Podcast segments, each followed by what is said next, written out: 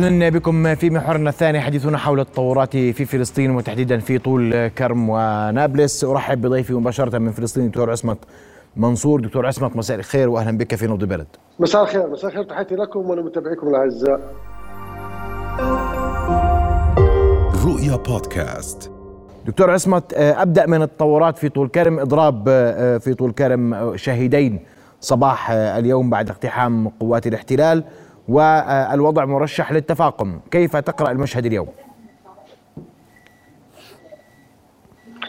يعني بالفعل نحن اليوم واجهنا مجزرة جديدة في طول كرم بعد مجزرة نابلس بالأمس التي استشهد فيها ثلاثة فلسطينيين واضح أن هذه العدوانية الإسرائيلية في حالة تصاعد نحن ما أن انتهى شهر رمضان حتى عاد سلوك الحكومة ومنظومة الأمن الإسرائيلية إلى ما قبل بداية العام وما قبل رمضان التي كانت كل يوم يكون فيها اقتحامات، كل يوم إعدامات. وهذا عمليا يزيد من حالة الاحتقان، يزيد من حالة الغليان ويقربنا أكثر من لحظة مواجهة، إذا أضفنا لذلك ان هناك انسداد كامل في الأفق السياسي.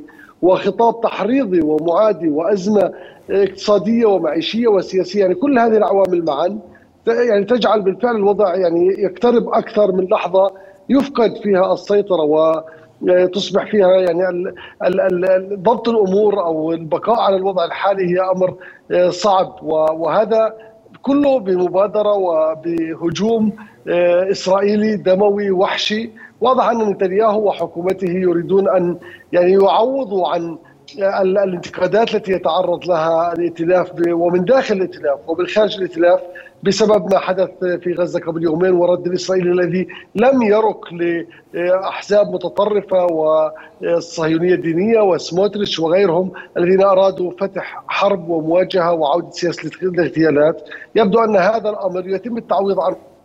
بتصعيد في الضفة الغربية إلى جانب يعني عمليات القتل والإعدامات والاجتياحات. هناك أيضا حصار لمدينة أريحة خنق كامل المدينة منذ حوالي 20 يوم. هذه المدينة منذ 15 يوما خسائر تقدر ب 80 مليون دولار حتى اللحظة صحيح؟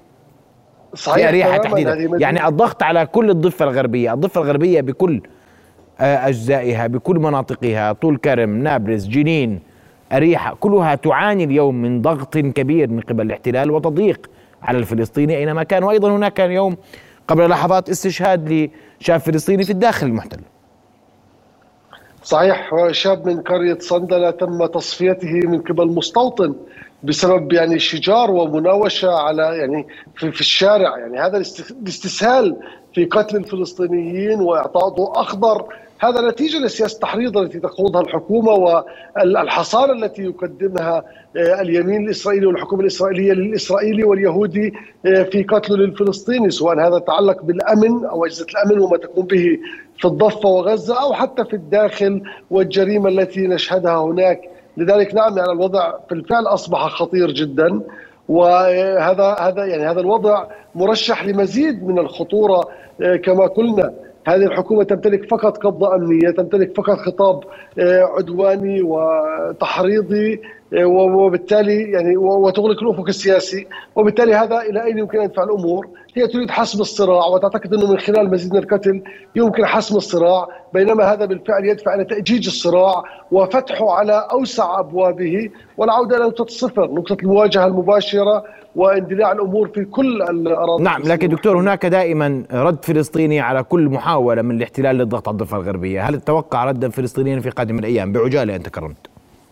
نعم نعم نحن نتوقع أن يكون هناك رد. يعني لا يمكن لهذه الجرائم أن تمر دون أن يكون هناك رد. هذا أصبح شبه نمط واعتدنا عليه. صحيح أن الرد يأتي فردي وأحيانا يأتي شبه منظم ولكن دائما كان هناك محاولات للرد سواء في الضفة باستهداف مستوطنين كما حدث في حوارة مرتين أو في عملية الحمراء أو بالداخل كما حدث في القدس وغيرها.